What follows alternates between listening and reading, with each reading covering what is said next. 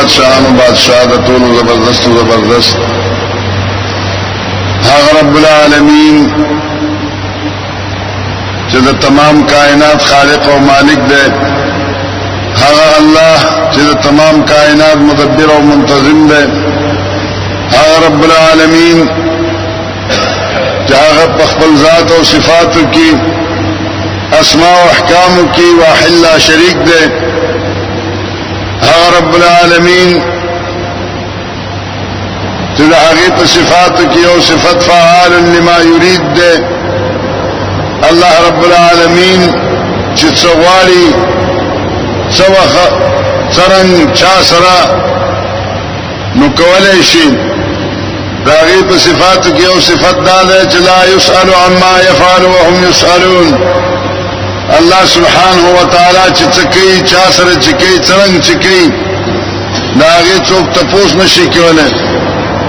وهم يسالون مکلف مخلوق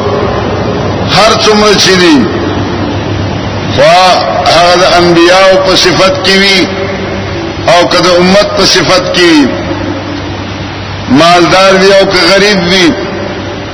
بادشاہ وي او که رعیت وي دا الله سبحانه و تعالی د باز پرسنا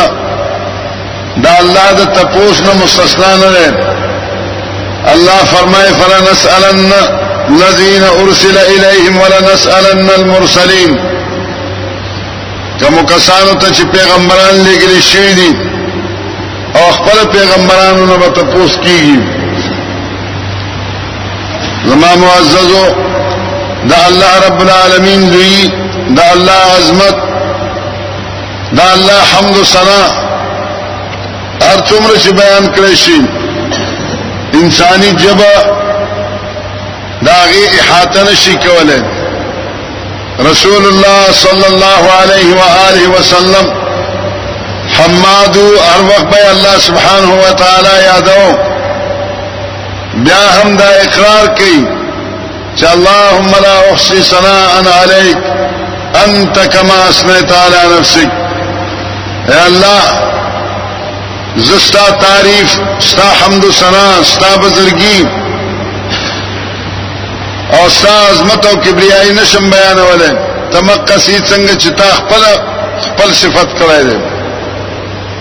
محمد رسول الله صلی الله علیه و آله وسلم باندې د الله رب العالمین لکونو کورونه رحمتونه دي چې هغه مونږ ته الله سبحانه و تعالی ذات او صفات خود لري دا الله سبحانه و تعالی د خوشاله ولو او د هغه درازي کولو لارې او طریقې را تخودلې دي او د الله سبحانه و تعالی د بندگی او د عبادت طریقې را تخودلې دي زما محترم او معززو الله سبحانه و تعالی مون پیدا کړیو او زمون سره سره بلکې مونږ نه مخ کې زمون دشمن چې هغه ته ابلیس ویل کیږي هغه هم الله سبحانه و تعالی پیدا کړو او بیا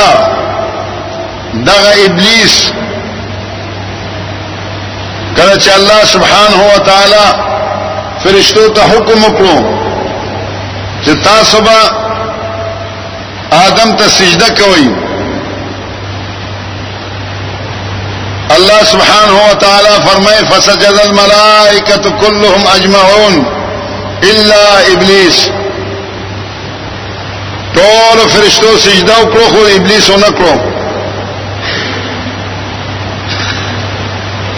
الله سبحانه و تعالی ته تپوس کوي ما منعك ان تسجد اذ امرتك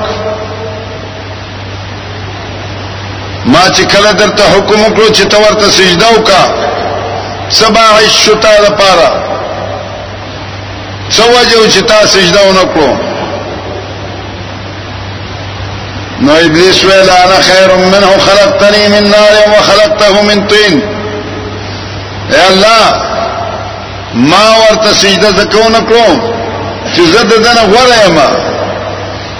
تاسو د اوره پیدا کړم او د خټې نه پیدا کړم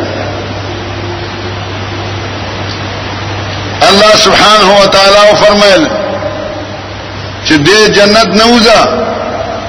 فإن عليك اللعنة إلى يوم الدين پتا باندې تر قیامت پورې د الله لعنت وي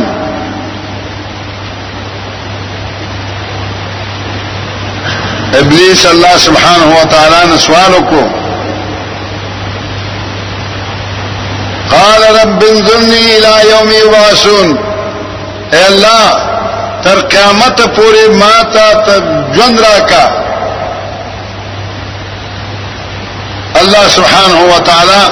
ورته ډیر ورکړو ورته ژوند ورکړو ورته ویل وخت معلومه پورې تا ته ډېل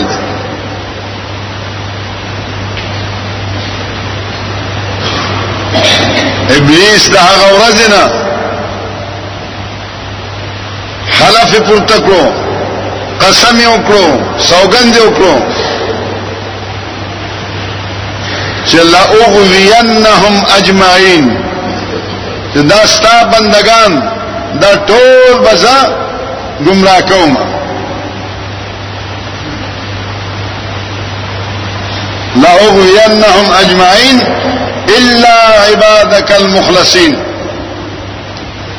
ټول به گمراه کوم او مگر یکا دکا چې کوم ستا مخلص بندگان دي هغه برانه پاتې کیږي ورنه دا ټول به گمراه زما محترم و معززو د دې وجنه الله سبحانه و تعالی مونږ ته بار بار په کتاب الله کې په قرآن کې وایي ان الشیطان لكم عدو فاتخذوه عدوا د شیطان ستاسو دشمن دی او دشمن یې وګڼئ انسان غافل دی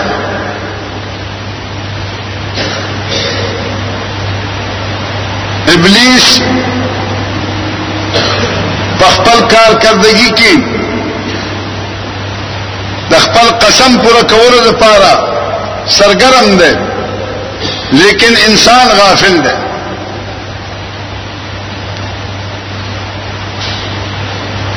د شیطان مکر او قید ختمولو لپاره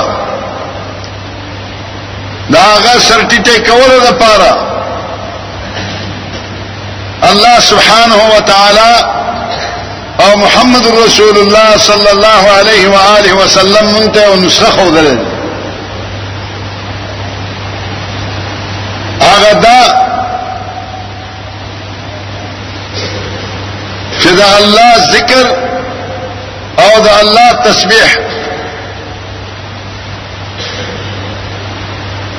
شیطان هم دغه وایي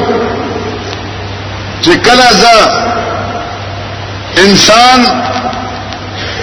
غلام تیرباسم په دې کې ځان کامیابم لیکن انسان چې د الله تسبیح وایي د الله ذکر کی نمال املا مات د دیو جن الله سبحانه و تعالی په خپل کتاب کې مونږ ته بار بار دا وینا کوي چې که تاسو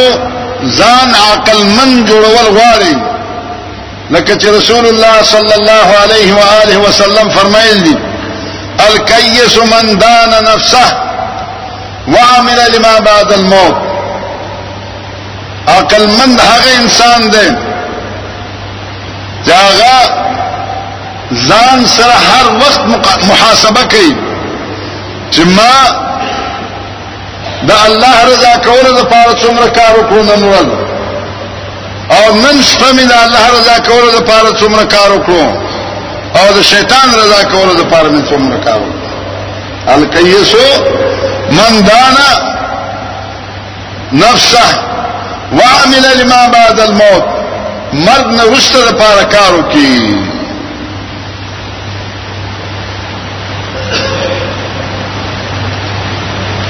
او عاجز هغه انسان دی چې هغه عمل نه کوي لیکن په الله باندې امیدونه ساتي چې الله به ماته دا جنت راکړي او دا جنت به راکړي او دا جنت به راکړي نو ځکه الله سبحانه و تعالی عقل مند انسان خې چې عقل مند څوک دی فرمای ان فی خلق السماوات والارض بشکل زمکه اسمانونو پیدا کولو کې واختلاف الليل والنهار شپه ورځ په مختلف کولو کې کله شپه راولي کله ورځ راولي کله شپه وګد کې کله ورځ وګد کې لآیات لأولی الالباب خامخا پدې کې عقل مند د پاره نه خله عقل مند د پاره د الله د قدرت د الله د اولوهیت د الله د علو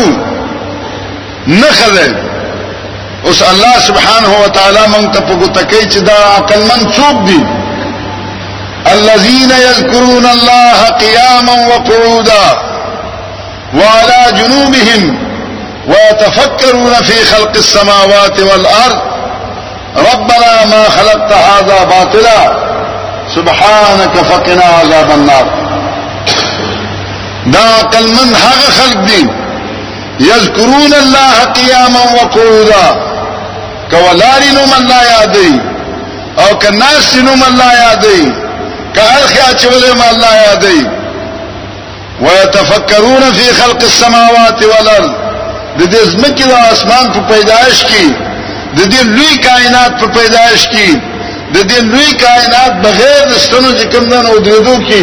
هغه فکر کې سوچ کې چې داس یو لوی کائنات چې د هغه انتظام داس یو رب کوي چې د هغه سره څوک شریک نشته وتفکرون فی خلق السماوات والارض او بیا دا اقرار کوي چې سبحانك ما خلقت هذا باطلا اے الله چې تا د ازمکه او اسمانونو پیدا کړی دي دا باطل او بیکار او محمل دې نه دي پیدا کړی په دې کائنات کې د انسان لپاره هر هر شي کې د انسان فائدہ ده الله فرمائے خلق لکم ما فی الارض جميعا زمکر پاس چې څه دي دا ټول ستاسو فائدې لپاره الله پیدا کړی دي څوک ته فائدہ اخستې شي او څوک ته نشي اخستې خلق الارض خلق لكم ما في الارض جميعا نو هغه فکر کوي سوچ کوي او بیا دا وایي چې سبحانك ربنا ما خلقت هذا باطلا لا دا تا باطل او بیکار نه پیدا کړې لہذا سبحانك فقنا عذاب النار اے الله ته بیکار کار او د محمل کار بیکار شی پیدا کولو نه پاکي ځکه الله فرمایي صنع الله الذي اتقن كل شيء الله تعالی کاریګری دا الله تعالی پیدائش دا سیده چې هر یو شی مضبوط پیدا کړی دی هر یو شی فائدې لپاره پیدا کړی دی هغه کې باطل بیکار بے فائدې هیڅ نشته فقنا عذاب النار اے الله موږ جهنم نو ساتي ما محترم معزز الله سبحانه و تعالی هغه خلق ته چې هغه دا الله ذکر کوي پناستا په ولاړه پارخ په هر حالت کې چې دا الله یادې دا هغه ته اول الالباب ویلي عقل من ویلي او الله سبحانه و تعالی فرمایي کچرته تاسو دا الله رحم غواړئ دا الله مهرباني غواړئ فاذكروا الله لعلكم ترحمون دا الله ذکر کوي چې الله سبحانه و تعالی په تاسو باندې رحم وکړي یو انسان ټول عمر پریشان دی هر طرف نه پریشانی دی ورته بیماریانو پریشان کړی دی اولاد د طرف پریشان دی د خزې د طرف پریشان دی د مال د طرف پریشان دی ګوند د طرف پریشان دی ماحول پریشان دی هغه د پاره الله سبحانه و تعالی علاج منتدا خي چې الله ذکر کثرت سره کوي الله سبحانه وتعالى فرمای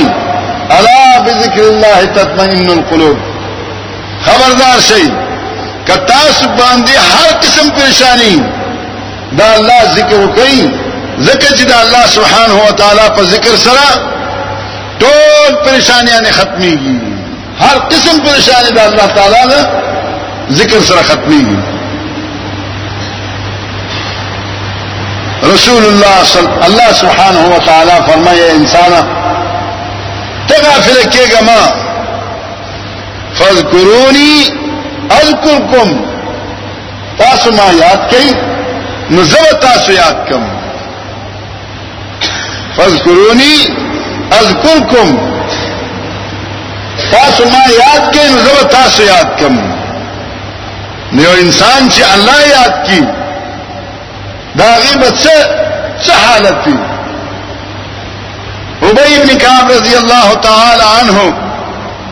یووالی ناشتو رسول الله صلی الله علیه و آله وسلم فرمایل ما ته الله سبحانه و تعالی ویلی چې زه تا ته سوره بینه واورم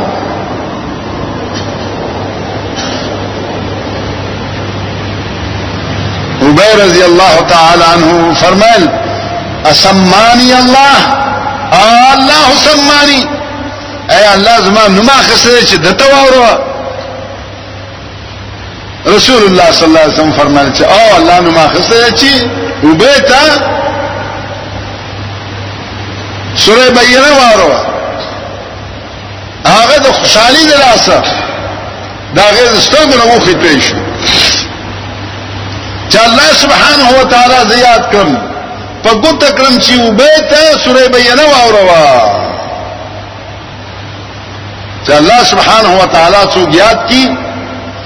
دا هغه څومره خوشبختی ده او څومره چې کوم ده نو نیک بختی ده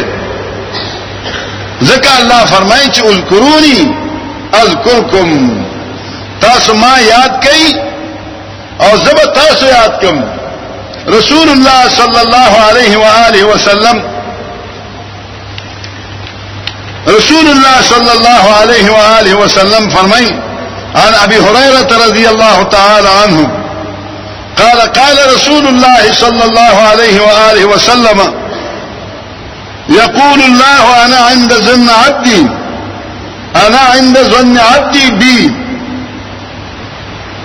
وانا معه اذا ذكرني فی نفسه ذکرته فی نفسی زد خپل بنده په ګمان باندې څه مطلب کزما بنده دا خیال کوي چې دا الله ما ته دا شی را کولای شي په ما باندې یقین دي چې دا زما مصیبت لري کولای شي زما دا پریشانی لري کولای شي دا حاجت می پوره کولای شي مال دا کولای شي دا کولای شي دا کولای شي نو زه ولا کوم او کاغه په ما باندې یقین نشته په ما دا خیال نه تیریږي چې الله سبحانه و تعالی باندې سکی نو زم دا سپریدم فرمای فإن ذكرني في نفسه ذكرته في نفسي کدی بنده ز ځان نه یاد کم نو زه ځان نه یادم و ان ذکرنی فی ملئن ذکرته فی ملئن خیر منهما او کزه دی بنده په یو ټولګي کې په یو جماعت کې یو مجلس کې زیات کم نو زه هغه داسې ټولګي کې داسې مجلس کې په داسې جماعت کې یاد کم چې دغه ټولګي او دغه مجلس نه غوړی زبر فرشتو په مخ کې دا یادو ما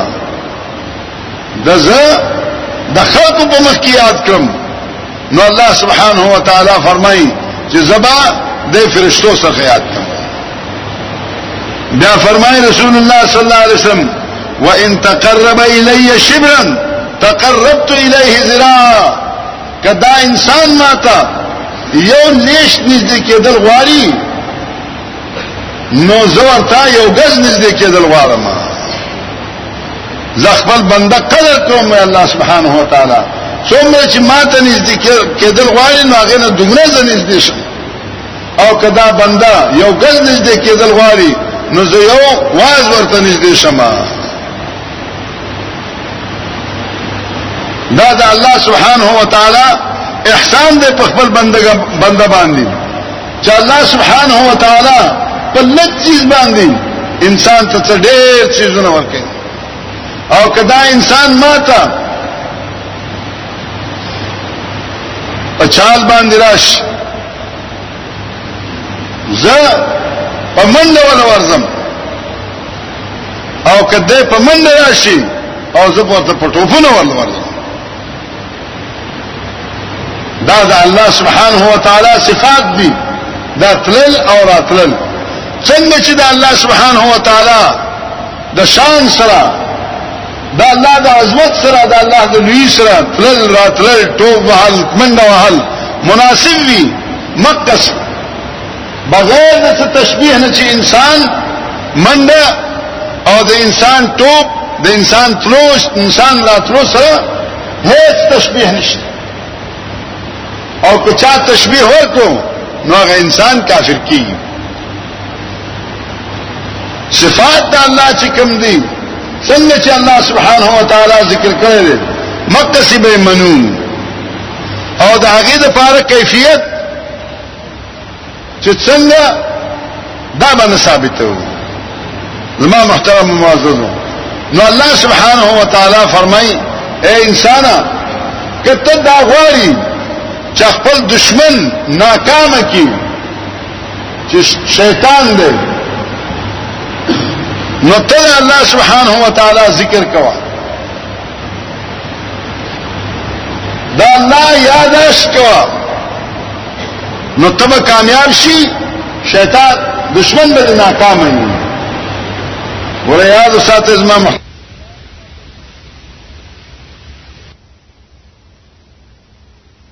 الله یادولو مقصد دا دی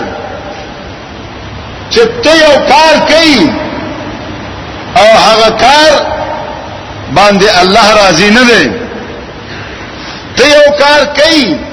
هغه کار باندې الله راضي دی نو ته صرف د دیو جن کوي چې الله را ناراضي شي یا صرف هغه کار د دیو جن پرې دي چې الله ناراضي شي که کوم کار کوي درته الله یاد شي چې الله ما ته دا حکم کړی دی دا الله رسول دا حکم کړی دی او کوم کار چې پرېږي دي ته چې الله دې نه منې کړم الله رسول دې نه منې کړم دا الله یادول دا بشک خپل باندې الله الله ویلم دی لیکن که یو انسان په خپل الله الله وی او کار د شیطانی کوي نو دا الله یادول نه دی نو دیو جنا رسول الله صلی الله علیه و آله وسلم فرمایي عن ابن عباس رضی الله تعالی عنه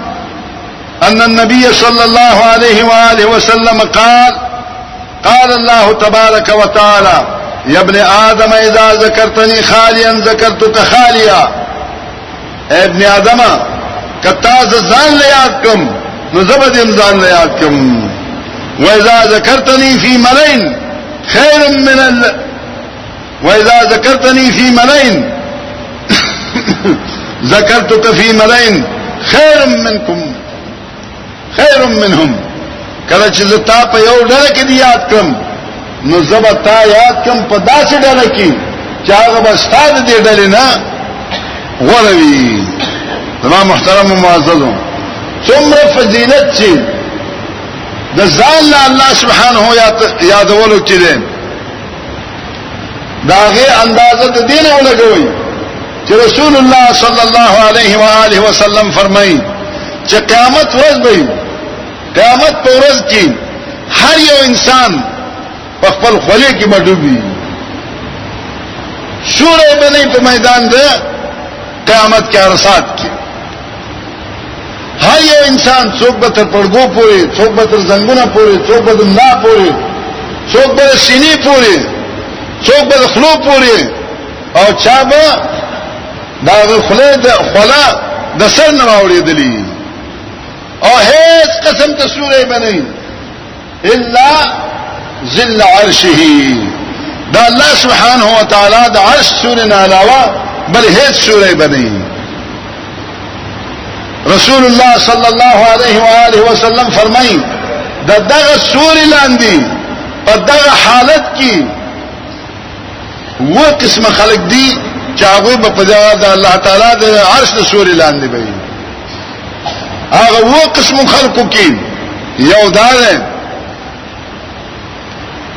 ورجل ذکر الله خالیا ففازت عینا یو هغه سره دی چې د ځان نه ناس دی په کور کې ناس دی په کوټه کې ناس دی بيدان استم خزال لده ذکر الله وقت الله یاد شي او خپل ګناهونه ورته یاد شي دا الله رحمت ورته یاد شي او خپل ګناهونه ورته یاد شي دا الله عذاب ورته یاد شي او دا الله او خپل ګناهونه ورته یاد شي د دې امید او د خوف په منځ کې دته جړا ورش یا الله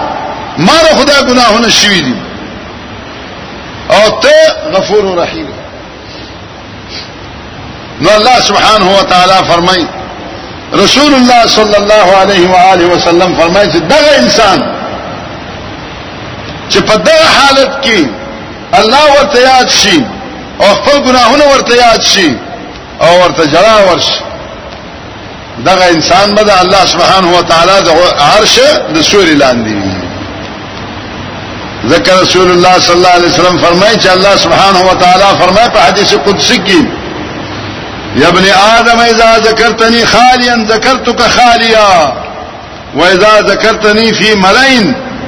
ذکرتک فی ملئن خیر من الذین ذکرتنی فیهما او کتما په یو ډول کې یاد کی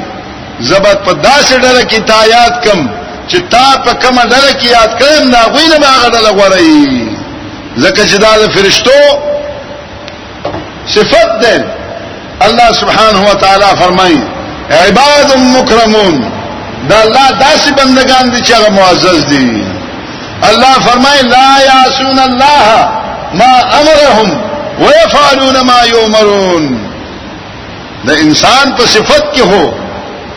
اطاعت او نافرمانی دواړه دي مطیع هم دی او نافرمان هم دی لیکن د فرشتو په صفت کې عصيان نشتا الله فرمای په خپل کتاب کې چې لا يعصون الله ما امرهم الله چې څه حکم وکي دا غینا فرمانی نه کوي ويفعلون ما يؤمرون کوي هغه څه چې الله ورته حکم کړی نو زکه دی غوړه دی نو دا غوی په مخ کې به الله سبحانه و تعالی فرمای چې تاسو یاد کما په پکار دا د انسان لا چې الله سبحانه و تعالی د هر وخت یاد وي چې څه کوي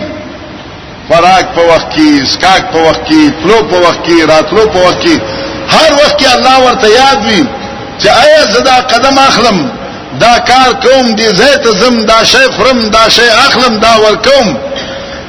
نو الله په دې باندې راضي دی او که ناراضه دی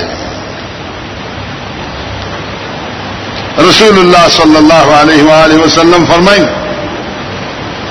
دا ابو هريره رضی الله تعالی عنہ روایت ده عن ابي هريره عن النبي صلى الله عليه واله وسلم ان الله عز وجل يقول انا مع عبدي اذا هو يذكرني وتحرك بي شفتاه ترڅو چې د انسان شونډې زما په ذکر کې یادېږي او ما یادې زه دې بنده سره ما دغه امداد کوم دغه نصرت کوم دغه کار کوم عبد الله ابن عباس رضی الله تعالی عنہ فرمایي چې رسول الله صلی الله علیه و آله وسلم ما ته فرمایي چې یا غلامو اتق الله تجد کا تجاہ کا اے غلام اے بچیا دا اللہ نہ ویرے گا نو تبا اللہ سبحان ہو تعالی پخپل مخ ته عمومي څه مطلب چې ته الله خوف کوه دا الله په خوف په بنیاد باندې یو کار وکا دا الله د خوف په بنیاد باندې یو کار پرېدا مستقبل کې چې دا غستا د کار کولو یاد نه کولو د وجنه څه اندیشه څه خطرات څه مصائب راځي نو الله سبحانه و تعالی باغ درته واري او کچرته ته یو کار داسې وی چې الله باغی باندې راضي کیږي لیکن مستقبل کې ستاره خطرات دي یو کار دې باغی باندې الله ناراض کیږي لیکن ته په خپل ځام کې مستقبل کې خپل فواید ویني نو الله سبحانه و تعالی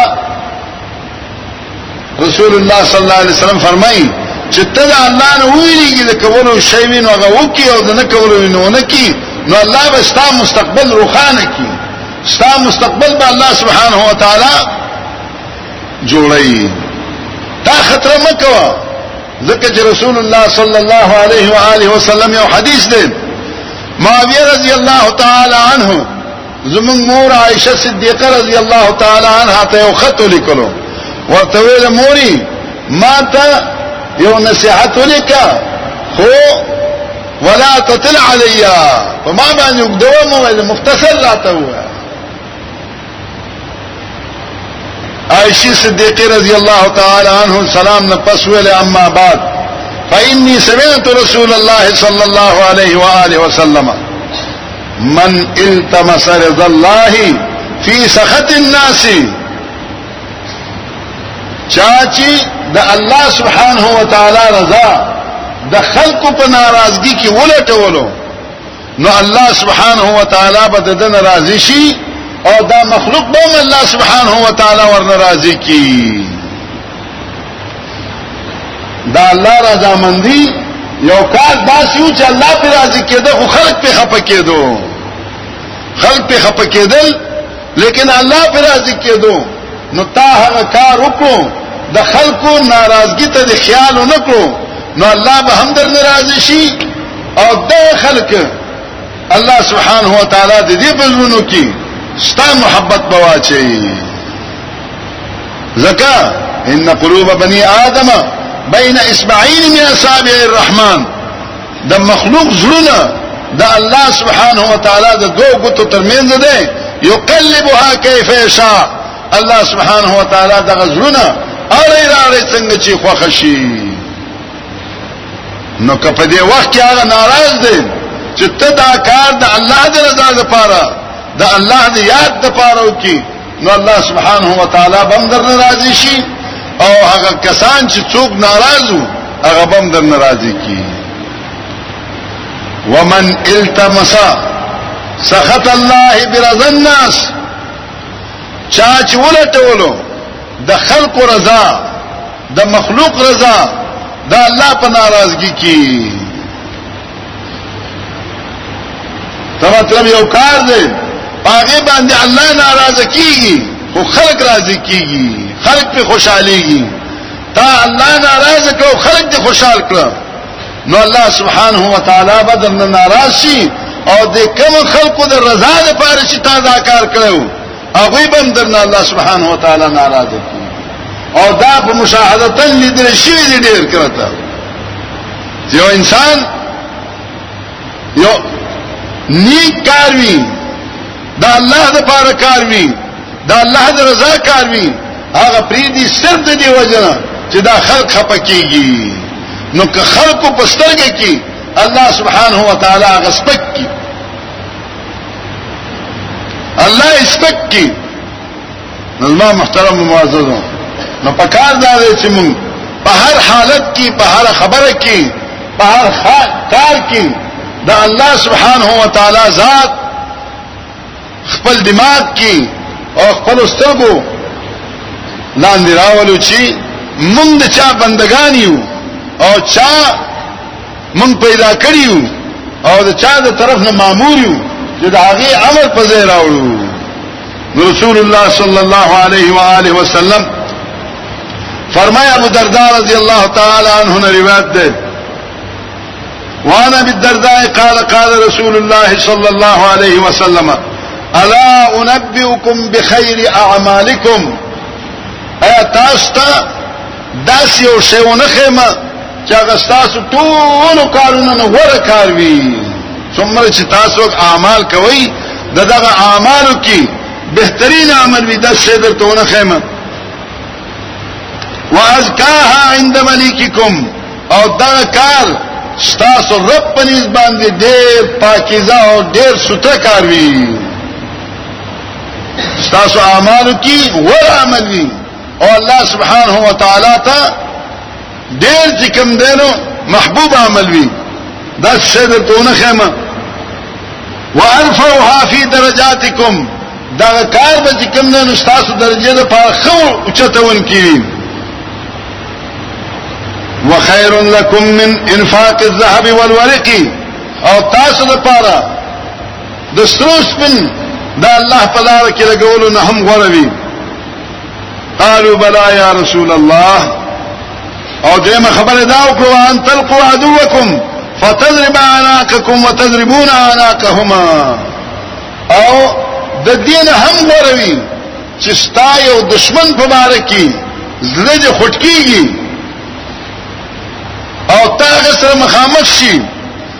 ته دا هغه چټ وې او رستا وې استاد ازله هغه ګرمي او دا هغه جوش سور شي د دې رنګ ورشه دي صحابه ورزو کو چې بلا یا رسول الله قال ذکر الله دا د الله ذکر دی الله ذکر د ټول اعمالو نه بهتر الله سبحانه و تعالی ته د ټول نور شیونو نه غوړه ستاسو د درجات د بلندی د پاره د هر عمل نه غوړه او ستاسو د زړه هغه سار چې ورته وي هغه کینه چې ورته وي د هغه د سړیدو د پاره د دین لوی شی بل نشته چې د الله ذکر وشي ځکه معاذ رضی الله تعالی عنہ به دا حدیث بیان کړو بیا به دا ویلو دی قال معاذ ما من شيء انجا من عذاب الله من ذکر الله دا هیڅ شی په دنیا کې داس نشته چې هغه زیات خلاصون کیوي د انسان د الله تعالی د عذاب نه د ذکر د الله سبحانه و تعالی نه چې د الله ذکر کوي نو د الله ذکر د ټول چیزونو نه بهترین شی دی د الله سبحانه و تعالی د عذاب نه د خلاصولو لپاره نو لهذا ما محترم معززو الله سبحانه و تعالی یادول پکار دی په جبه باندې هم په خپل اعضاء باندې هم خپل اعمال په لحاظ سره خپل کردار په لحاظ سره چې زدا کار کوم نو ولې کوم الله سبحانه و تعالی ما ته حکم کړی دی دا کار پرېږدم نو ولې پرېږدم الله سبحانه و تعالی ما ته حکم کړی دی نو کله چې انسان الله سبحانه و تعالی یاد کی او الله سبحانه و تعالی د پاره یو کارو کی نو الله سبحانه و تعالی هغه دنیا کې هم کامیابی او آخرت کې هم کامیابی او دا الله سبحانه و تعالی د خپل عذاب نه دغه انسان ته نجات ورکړي لہذا از ما محترم و معززم د دې خبرې خیال ساتل پکار دی چې دا سنا چې الله سبحانه و تعالی د یاد نه مونږ غافل شو او شیطان چې کم دینو په مونږ باندې غالب شي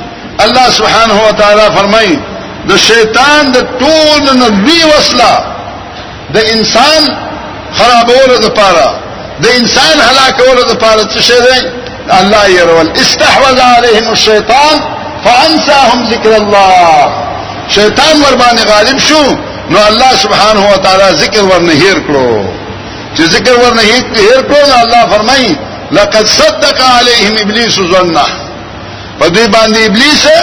خپل ګمان صادق کو رښتیا کړو چې هغه ویل لا اغوینهم اجمعین خامخا وزدا ټول گمراه کوما داغه قسم کړو چې زه خامخا گمراه کوما چې تا الله ير کړو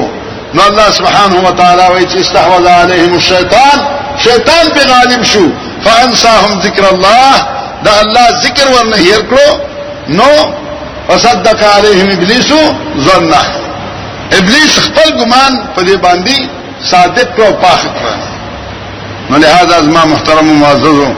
سوچ پکار دی خیال پکار دی چې په شیطان چې کم خیال دی د شیطان خیال په ځان باندې رښتیا نه کو او شیطان مونږ نه الله هیر نه کی چې شیطان مونږ نه الله هیر کی زمونږ لا مات شو او کوم مونږ د الله ذکر وکړو نو د شیطان لا ماتيږي لہذا هر مسلمان د پاره پکار دی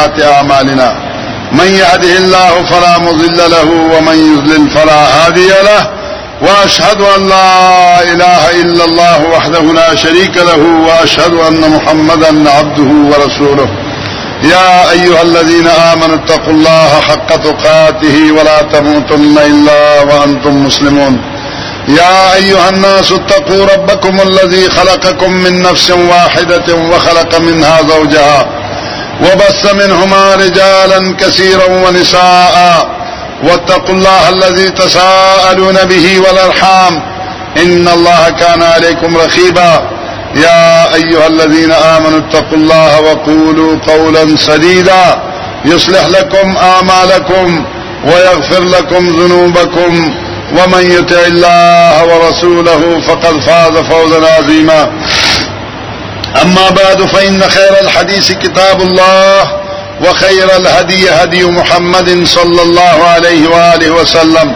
وشر الأمور محدثاتها وكل محدثة بدعة وكل بدعة ضلالة وكل ضلالة في النار أعوذ بالله السميع العليم من الشيطان الرجيم